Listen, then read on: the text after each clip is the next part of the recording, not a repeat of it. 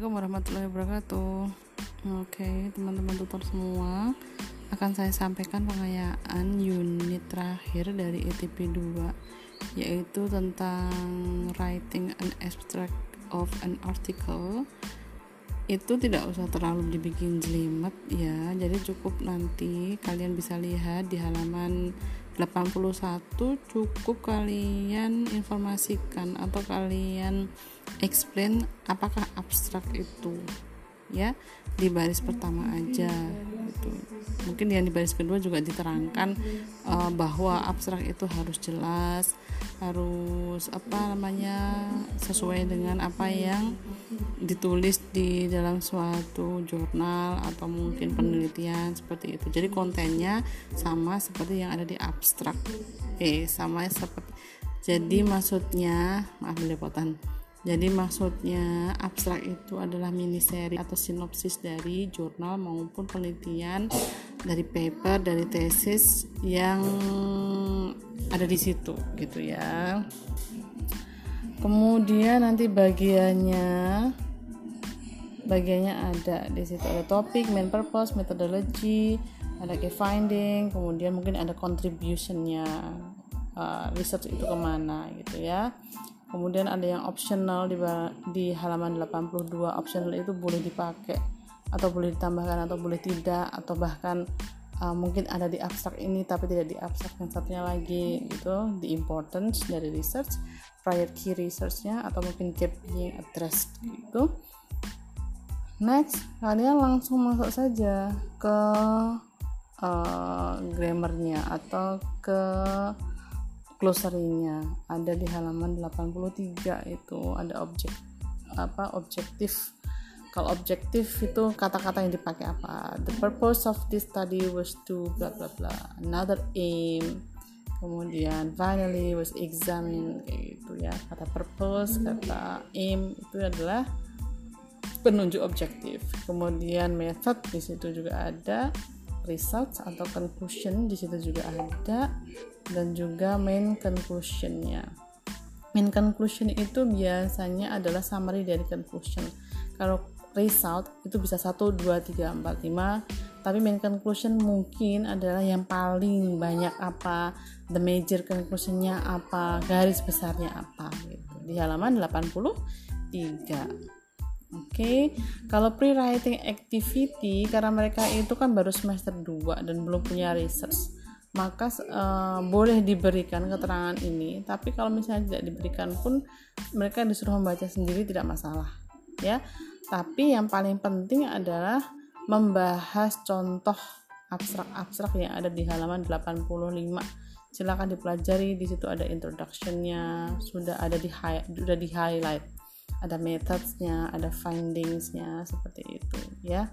Bisa kalian uh, apa namanya suruh mereka membaca? Nggak apa-apa.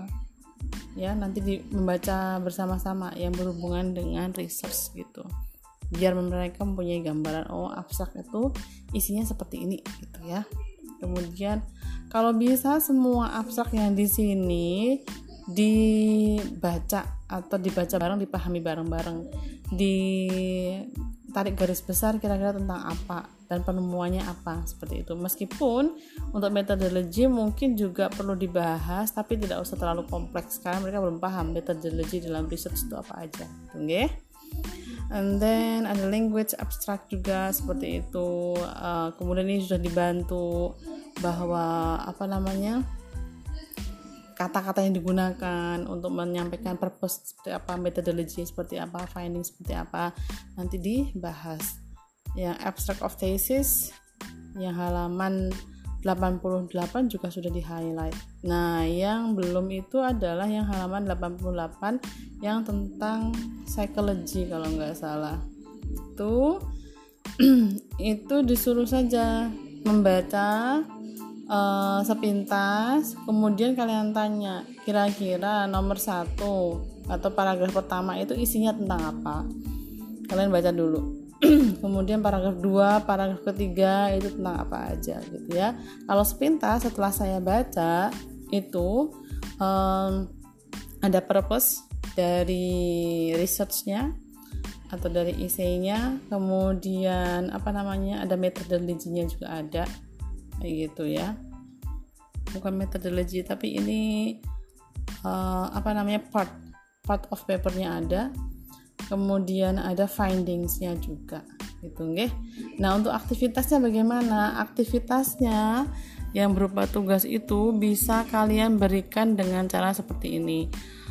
Download saja abstrak yang pendek, yang simple, boleh tentang apa saja language, boleh, atau mungkin apa namanya psikologi boleh, medical juga boleh, kayak gitu. Silahkan nanti di download.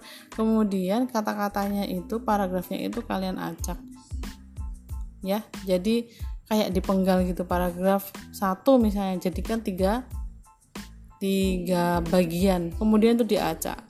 Suruh mereka untuk mengurutkan gitu ya. Sama juga seperti part-part yang lain di paragraf berikutnya paragraf 2 paragraf 3 gitu ya. Setelah itu nanti ditulis di bawahnya kira-kira itu purpose-nya apa atau objektifnya apa kemudian mungkin partnya apa metodologinya apa findingnya apa itu suruh mereka menemukan gitu ya. Untuk mungkin pengumpulannya tidak bisa langsung segera ya. Jadi bisa di pending sampai hari Senin Senin malam gitu biar kalian nanti bisa uh, menilai gitu ya. Menilai juga gampang kok kan kalian sudah punya kunci jawabannya gitu ya.